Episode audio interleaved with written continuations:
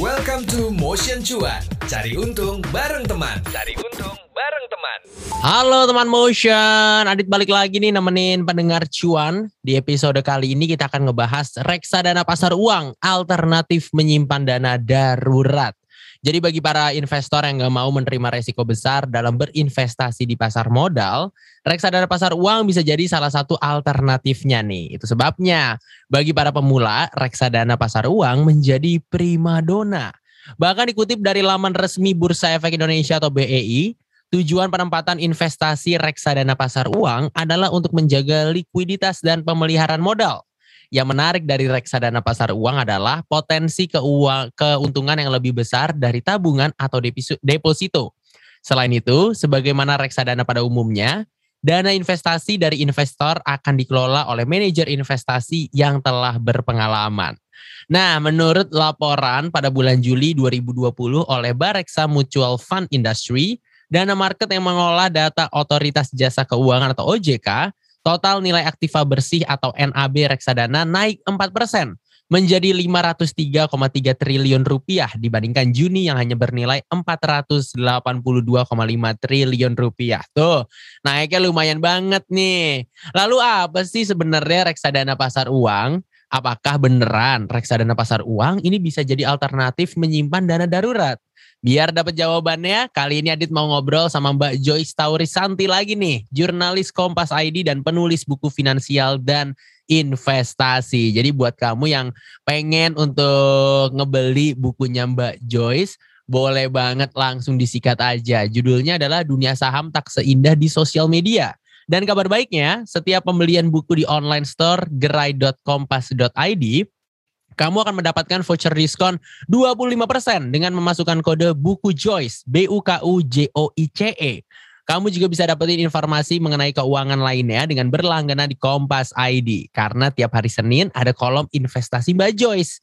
Dan juga dapetin voucher diskon untuk berlangganan kompas.id dengan kode cuan barang. Nah, sekarang udah kesambung sama Mbak Joyce lagi nih. Halo Mbak Joyce. Hey Adit, apa kabar? Teman Hai. motion gimana? Sehat-sehat? Iya, Mbak Joyce gimana kabarnya? Sehat Mbak Joyce? Sehat juga, Adit. Terima kasih. Wah, ini seru banget. Kita bakal ngebahas tentang reksadana pasar uang, daging-dagingnya. Tapi sebelum itu, mungkin masih banyak yang belum tahu nih teman cuan gitu ya. Dan juga Mbak Joyce. Boleh nggak sih Mbak ditis sedikit atau dikasih tahu gitu. Kira-kira reksadana itu apa sih? Dan apakah reksadana punya potensi lebih tinggi di masa pandemi dibandingkan instrumen investasi lainnya? Oh iya di reksadana itu kumpulan aset itu bisa di, udah udah satu paket gitu loh ada obligasi ada depositonya juga ada sahamnya juga ada dan dikelola oleh manajer investasi seperti yang ada bilang tadi.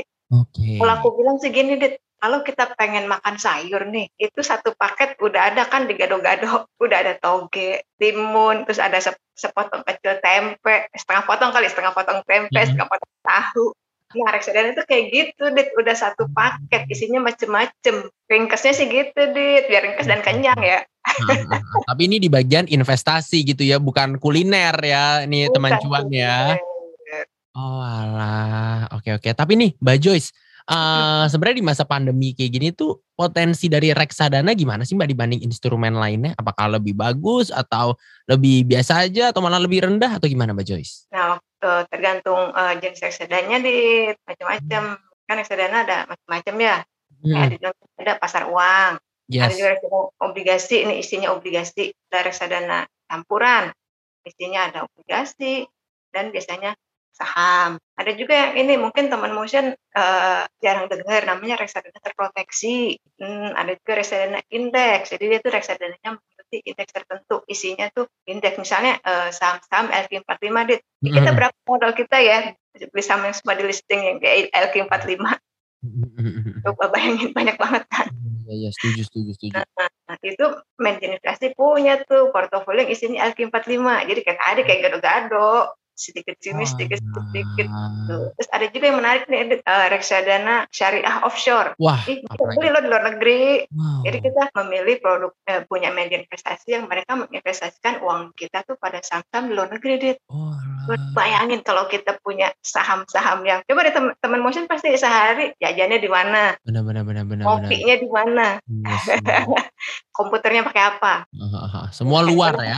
Itu semuanya kan listed company itu adit. Nah, itu kita bisa beli reksadana. Nah, apakah reksadana ini ketika masa pandemi ini lebih bagus atau lebih buruk? Nah, hmm. tergantung hmm. ketika kita membeli reksadana misalnya uh, apa tadi reksadana saham itu teman motion uh, masih ingat ya pada Maret 2020 kemarin kan jeblok banget. Nah itu reksadana ikut jeblok. Oh, jadi searah deh pergerakannya yes yes gitu. yes, yes, yes. Nah, jadi mirroring lah istilahnya. Istilah kerennya mirroring sih okay, yes yes yes. Karena saham juga ya kayak kita tahu ya teman mau teman cuan kalau saham itu kan emang lebih fleksibel katakanlah lebih dinamis lebih fluktuatif juga. Untuk grafiknya kadang naik banget kadang turun banget. Tapi kalau misalnya kita ngelihat tadi jawaban dari Mbak Joyce ada banyak banget contoh dari reksadana, ada pasar uang, ada obligasi, terus ada juga reksadana campuran, saham, indeks dan lain-lain. Sebenarnya apa sih Mbak yang ngebedain gitu atau dasar-dasar bisa jadi banyak reksadana nih apa nih Mbak Joyce nih? Itu mirip isinya, isinya tuh apa, dalamnya itu apa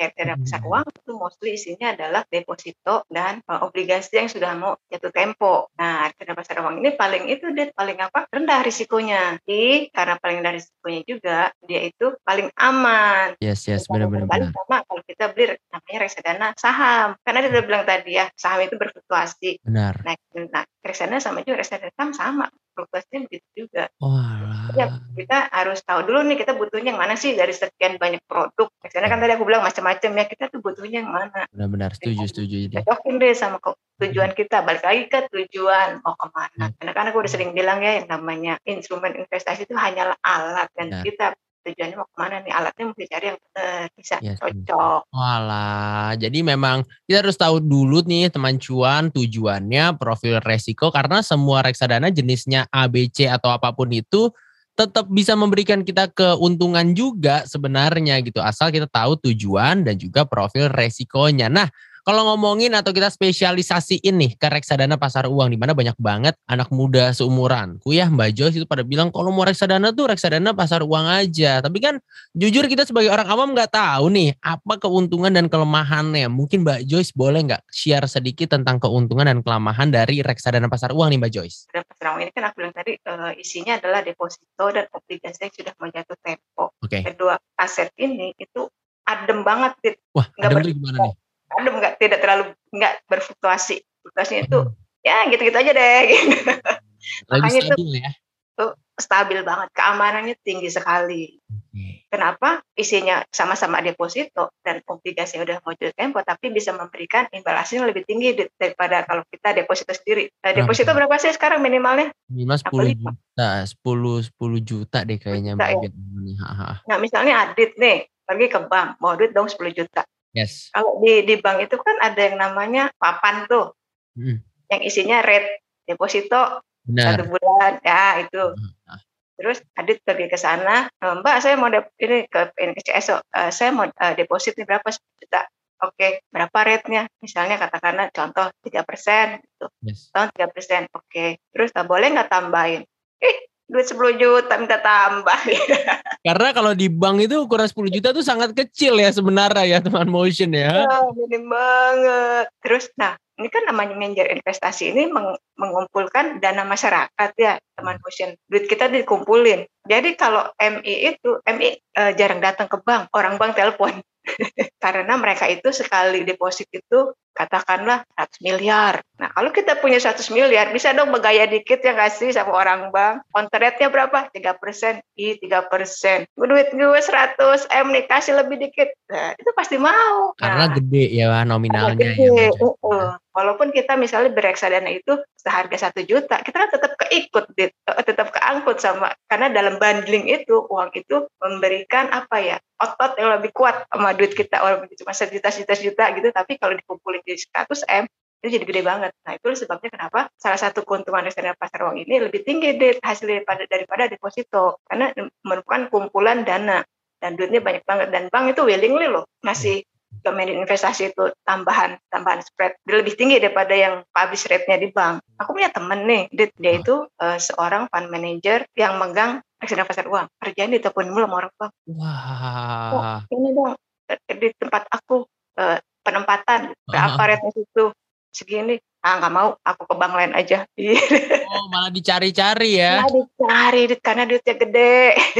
Tuh jadi dia kerja ini telepon mulu sama orang bank. Di sini reti ah enggak aku ke bank lain aja. Lebih tinggi daripada uh, kita kalau deposito langsung ke bank karena ada kumpulan dana. Keuntungan lain adalah uh, liquid kalau teman motion pergi ke bank itu ada deposito kan ada temponya ya satu mm-hmm. bulan tiga bulan enam bulan nah itu kadang kalau misalnya kita butuh duit kepepet butuh uang cepat uh, sebelum kita masa jatuh tempo itu nanti beberapa bank memperlakukan adanya denda penalti. Oh. Nanti tarik duluan duitnya. Kalau ini kita punya uang di reksadana pasar uang, kapan aja bisa teman motion ditarik, nggak ada jatuh temponya. Hari Senin naruh, hari Selasa narik juga boleh.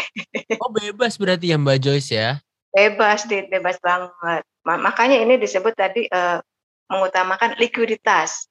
Liquid artinya apa sih? Cepat jadi duit. Cepat oh. banget ini nariknya. Dan kalau misalnya kita redeem ya, uh, reksadana pasar keuangan di media investasi paling tiga hari kerja tuh udah bisa. Oke, karena itu tiga hari juga prosesnya sebenarnya Mbak Joy. Ya, betul, karena mereka kan harus uh, kasih tahu ke bank kustodian gitu-gitu. Hmm. Lalu masuk rekening kita, eh tiga hari kerja dapat lah. Nah itu oh. aman banget deh yang namanya reksadana pasar uang ini.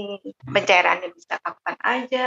Yes, yes. Dan satu lagi deh, nggak ada pajaknya. Nah ini dia yang penting nih. Pajak tuh kayak cuma berapa persen tapi wow banget loh hmm. teman cuan, teman motion ya kan kalau deposito pajaknya 20%, bukan merupakan objek pajak teman motion. Jadi apa yang uh, harga reksadana yang dicantumkan dalam NAB nilai aktiva bersih itu udah bersih, benar bersih. Oke. Okay. Itu aset kita segitu. Dan wow. sekarang kan gampang banget dit beli nama reksadana macam-macam, yes. tinggal sentuh ujung jari aja udah selesai.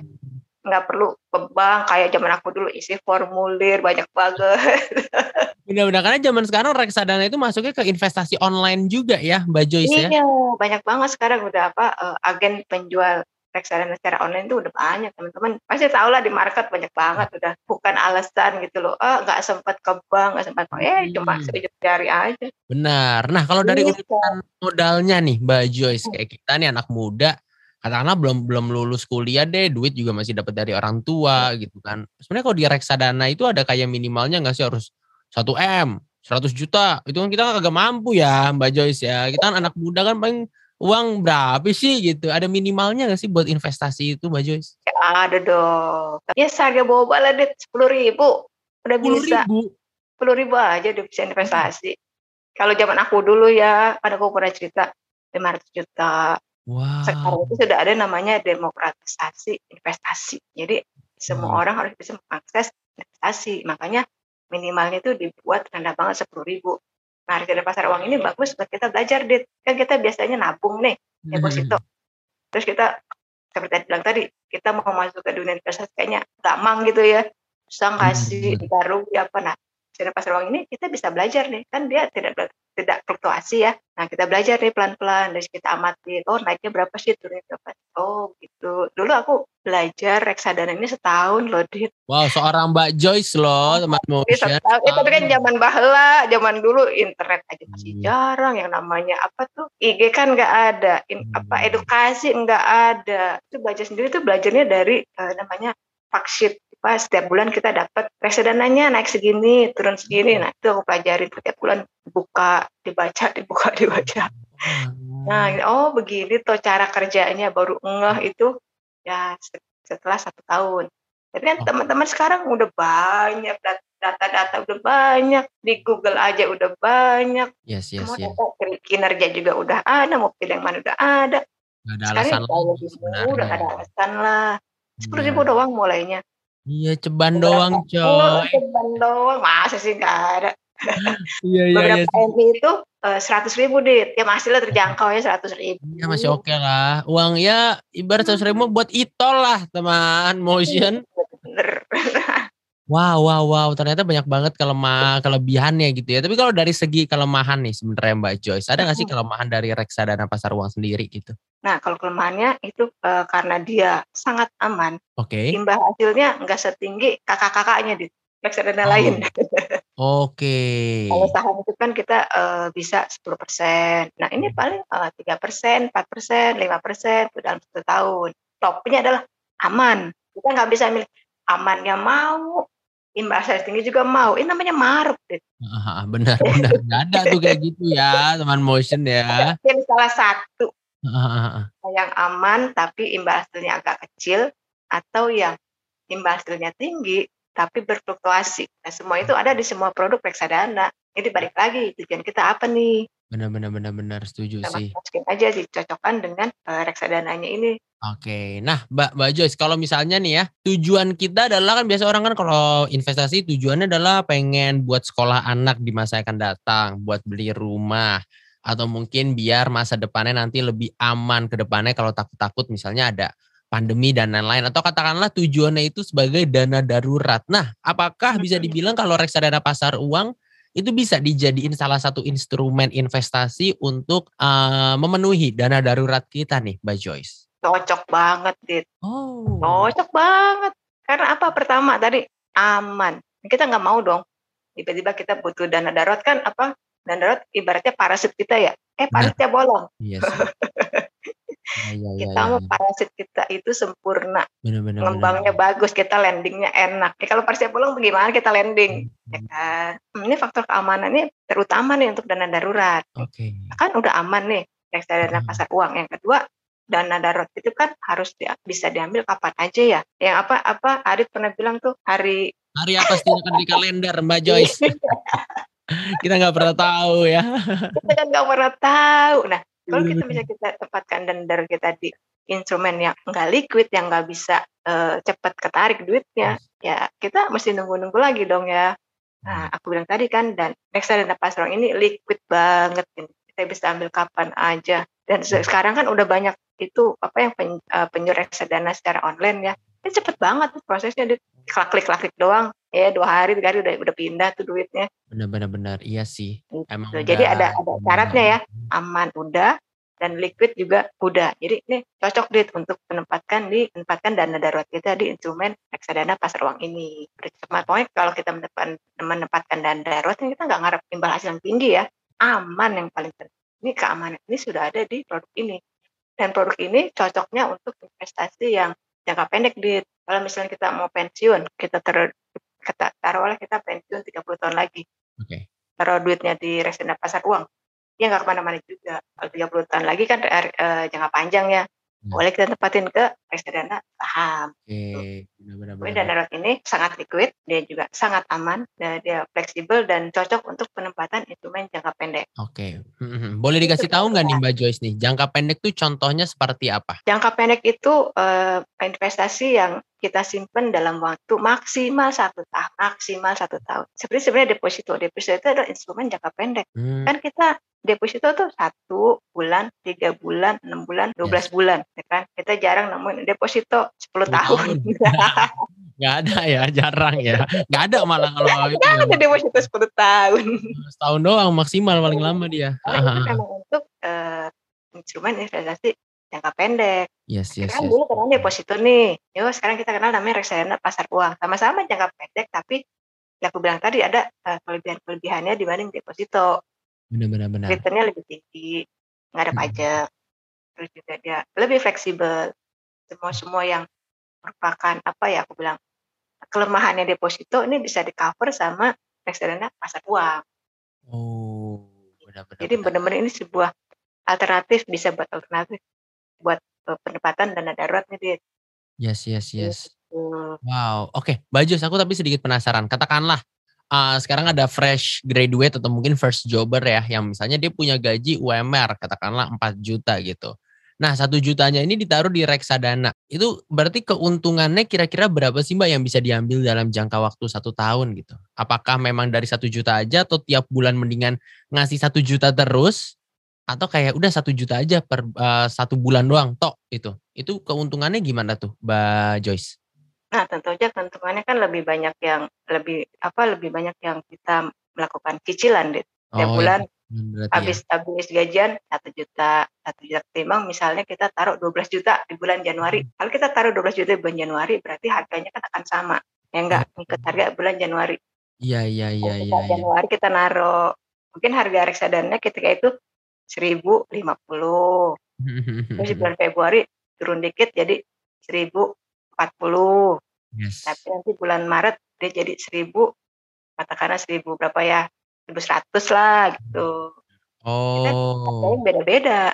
Itu namanya hmm. dollar cost averaging benar benar kita benar. melakukan averaging dan nanti ketika di akhir tahun oh kita lihat nih udah berapa.